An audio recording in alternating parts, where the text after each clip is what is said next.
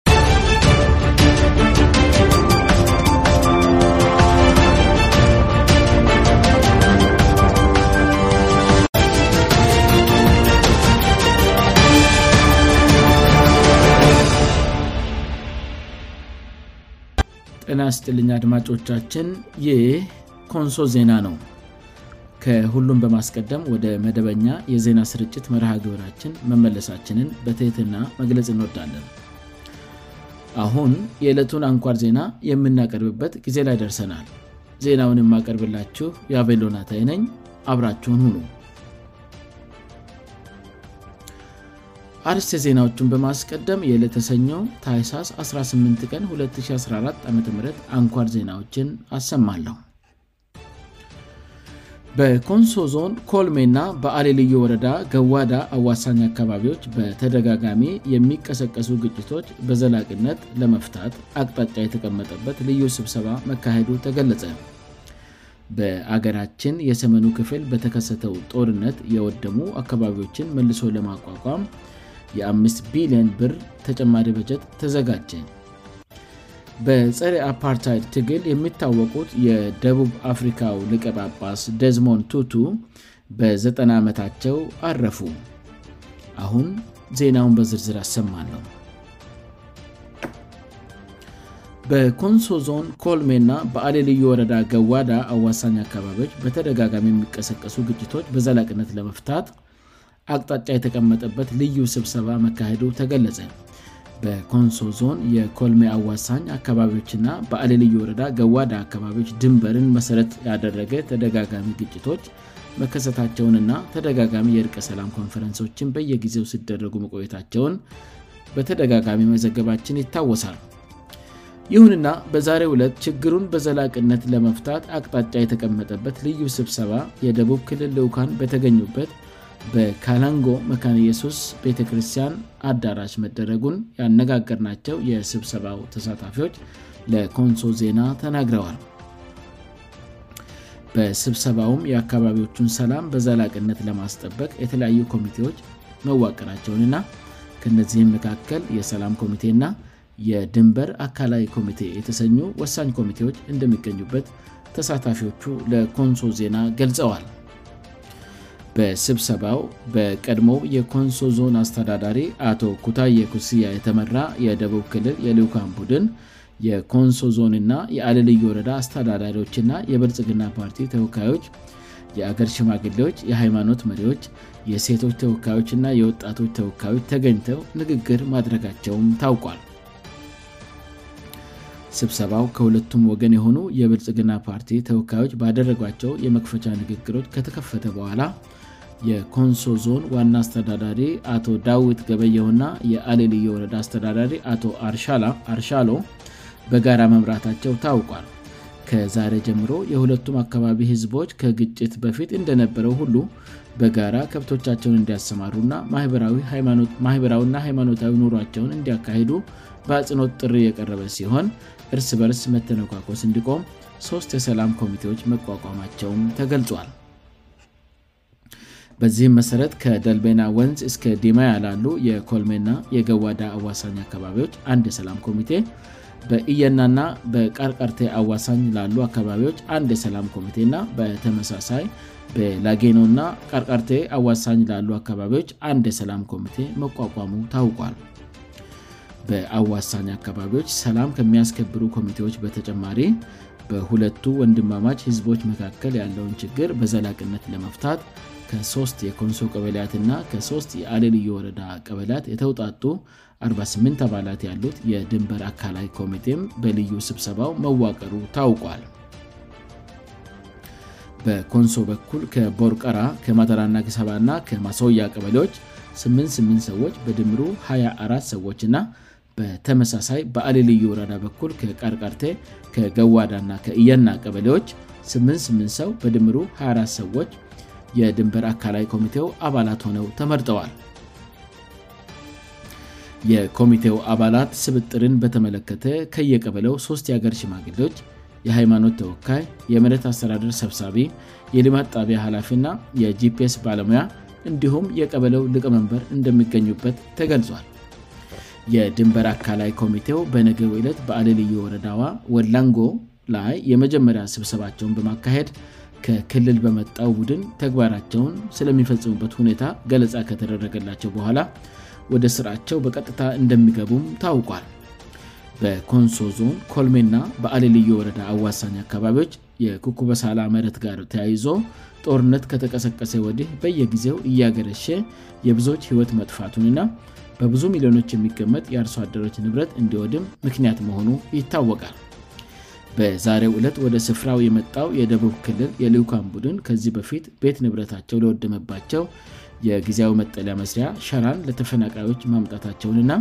ከነገ ጀምሮ እንደምታደል ሸራቸውንም ከወሰዱ በኋላ በጦርነት ወቅት የወደመባቸው መኖሪያ ቤታቸው ወደሚገኝበት መንደራቸው ወስደው መጠለያ እንደምሰሩበትእና በሰላም ኮሚቴ ድጋፍ እንደሚደረግላቸው ኮንሶ ዜና መረዳት ችሏል በዛሬ ሁለት የተደረገው ስብሰባ ከሁለቱም ወገኖች የተወከሉ የሃይማኖት መሪዎች ባደረጉት ጸሎት መደም ደግሞ የተገለጸ ሲሆን ልዩ ስብሰባው የተደረገበት የካላንጎ መካን የሱስ ማህበረ ሚመናን አዳራሽም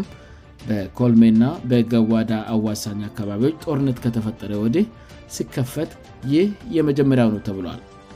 ይህ ኮንሶ ዜና ነው በሀገራችን የሰመኑ ክፍል በተከሰተው ጦርነት የወደሙ አካባቢዎችን መልሶ ለማቋቋም የ5 ቢልየን ብር ተጨማሪ በጀት ተዘጋጀ በጦርነትና በግጭት ጉዳት ለደረሰባቸው ዜጎች መልሶ ማቋቋሚያ የሚውል የ5 ቢሊየን ብር ተጨማሪ በጀት መዘጋጀቱን የገንዘብ ሚኒስትር አቶ አህመድ ሽዴ ገልጸዋል በገንዘብ ሚኒስትር የሚመራው የመልሶ ማቋቋም ሰክረታርያት ሥራ አስፈፃሜ ኮሚቴ በሳለፍ ነው አርብ በጉዳዩ ላይ ተወያይቷል አቶ አህመድ ሽደ በዚህ ጊዜ እንደገለጹት በገንዘብ ሚኒስትር የተዘጋጀው የአ ቢልዮን ብር ተጨማሪ በጀት ለሚኒስትሮች ምክር ቤት ቀርቧል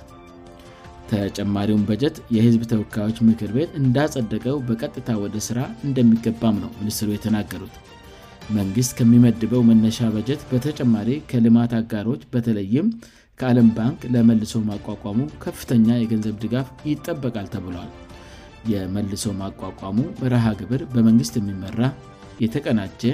በየደረጃው በፕሮግራም ተግባራዊ የሚደረግ ተጠያቂነት ያለውና ዘላቂ መፍትሔ ለማምጣት የሚተጋ መሆኑንም አቶ አህመድ አስረድተዋል በጦርነቱና በግጭቱ የደረሰውን ጉዳት ለማወቅና በገንዘብ ለመተመን የሚያስችል የዳስሳ ጥናት ለማድረግ የሚያስችል የመነሻ ሀሳብ በገንዘብ ሚኒስትር ተዘጋጅቶ ለመልሶ ማቋቋም ሴክረታሪያት ስራ አስፈፃሚ ኮሚቴ አባላት ቀርቧልም ተብሏል የኮሚቴ አባላትም የመልሶ ማቋቋም ርሃግብሩ ከሰመኑ የሀገራችን ክፍሎች በተጨማሪ በሌሎች ክልሎች በግጭት የተፈናቀሉትንም እንዲያካትት የሀብት አሰባሰብ ድግግሞች እንዲወገድ ና በአንድ እቋት እንድሰበሰብ ክልሎች ንቁ ተሳትፎ የሚያደርጉበት ምቹ ውነታ እንዲመቻች ከሌሎች መሰል ብሔራዊ ኮሚቴዎች ጋር በቅንጅት እንዲሰራና የግሉን ዘርፍና ዳያስፖራውን እንዲያሳትፍ አስተያት ሰጥተዋል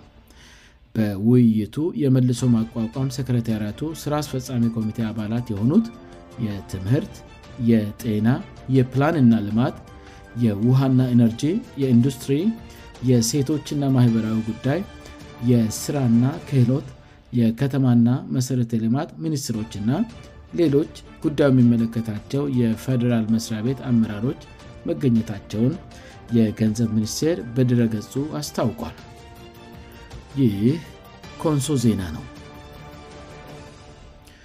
በጽረ አፓርታይድ ትግል የሚታወቁት የደቡብ አፍሪካው ልቀ ጳጳስ ደዝሞንድ ቱቱ በ90 ዓመታቸው አረፉ በደቡብ አፍሪካ የጽረ አፓርታይድ ዘመቻ ጉልህሚና የነበራቸው ልቀ ጳጳስ ደዝሞንድ ቱቱ በ9ጠዓመታቸው በትላንትና 2ለት ከዚህ ዓለም በሞት ተለይተዋል ልቀ ጳጳሱ ህይወታቸው ያለፈው ከካንሰር ጋር በተያያዘ ሊሆን እንደምችልም ነው የልቀ ጳጳሱ ጽህፈት ቤት መግለጫን ጠቅሰው የተለያዩ የዓለም ሚዲያዎች የዘገቡት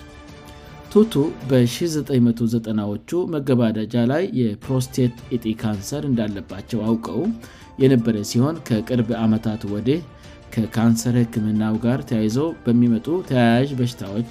ለበርካታ ጊዜያት ሆስፒታል ሲመላለሱ ቆይተዋል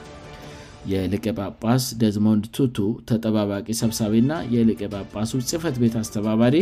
ዶክተር ራምፌሌ ማምፌላ የቱቱ ቤተሰብን ወክለው ትላንት በሰጡት መግለጫ በመጨረሻም ቱቱ በ90አመቱ ዛሬ ጠዋት በኬፕታውን ኦሲስ ፍራይል የእንክብካቤ ማይከል በሰላም አድረፉ ስሉ ተናግረዋል ዶክተሯ የቱቱን ማለፍ ይፋ ቢያደርጉም የሞቱን መንሴን በተመለከተ ዝርዝር ነገር ከመናገር ተቆጥበዋል የደቡብ አፍሪካው ፕሬዚደንት ሰሪል ራማፎሳም የልቀ ጳጳስ ደዝሞን ቱቱ ህልፈት በሀገራችን ነፃ የወጣቸውን ደቡብ አፍሪካን ውር ስለሰጡን ደቡብ አፍሪካውያን ትውልዶች ሌላው የሐዘን ምዕራፍ ነው ስሉ ተናግረዋል በአፓርታይድ ላይ ባደረጉት ሰላማዊ ተቃውሞ እንደ ፈረንጆቹ በ1984 የኖቤል የሰላም ሽልማት ማሸነፍ የቻሉት ልቀ ጳጳስ ደዝሞንድ ቱoto ከ10 ዓመታት በኋላም የዚያን የጨለማ ዘመን ግፍና በደል በቆፋሮ ለማውጣትና ለዚሁ ሥራ የተቋቋመ የእውነትና የእርቅ ኮሚሽን ሊቀመንበር በመሆን የዚያን አገዛዝ መጨረሻ መመልከት የቻሉ ታላቅ ሰው እንደነበሩ ይታወሳል ይህ ኮንሶ ዜና ነው አድማጮቻችን ዜናውን ከማብቃት በፊት አርስት ዜናዎቹን በድጋሚ አሰማለሁ በኮንሶ ዞን ኮልሜ እና በአሌ ልዩ ወረዳ ገዋዳ አዋሳኝ አካባቢዎች በተደጋጋሚ የሚቀሰቀሱ ግጭቶች በዘላቅነት ለመፍታት አቅጣጫ የተቀመጠበት ልዩ ስብሰባ መካሄዱ ተገለጸ በሀገራችን የሰመኑ ክፍል በተከሰተው ጦርነት የወደሙ አካባቢዎችን መልሶ ለማቋቋም የ5 ቢሊዮን ብር ተጨማሪ በጀት ተዘጋጀ በጸረ አፓርታይድ ትግል የሚታወቁት የደቡብ አፍሪካው ልቀ ጳጳስ ደዝሞንድ ቱቱ በ9 ዓመታቸው አረፉ ዜናው በዚያ በቃ አድማጮቻችን የዕለቱ አንኳር ዜናዎቻችን ይህን ይመስሉ ነበር ስላዳመጣችሁን እናመሰግናለን ሶኮንሶ ዜና ነገም በተመሳሳይ ሰዓት እንደምጠብቁት ተስፋ ያደርጋል እስከዚያው